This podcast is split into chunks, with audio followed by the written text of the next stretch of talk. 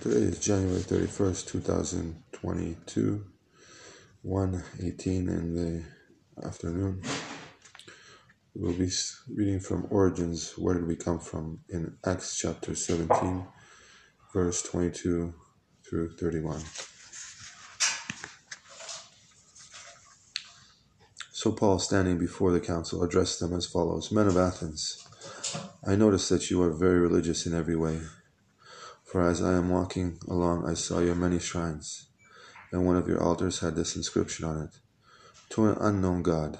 This God, whom you worship without knowing, is the one I am telling you about. He is the God who made the world and everything in it. Since He is the Lord of heaven and earth, He doesn't live in a man made temples, and human hands can't serve His needs, for He has no needs. He himself gives life and breath to everything. He satisfies every need. From one man he created all the nations throughout the whole earth.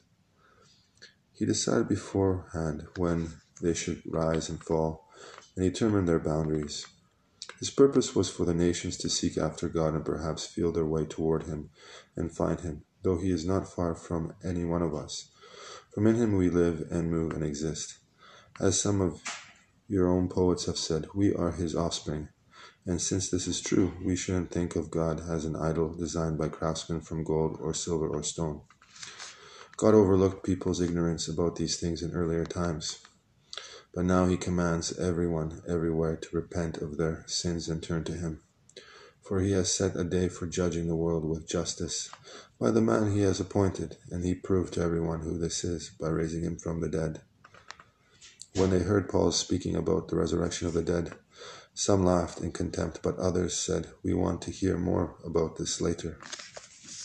Word of the Lord.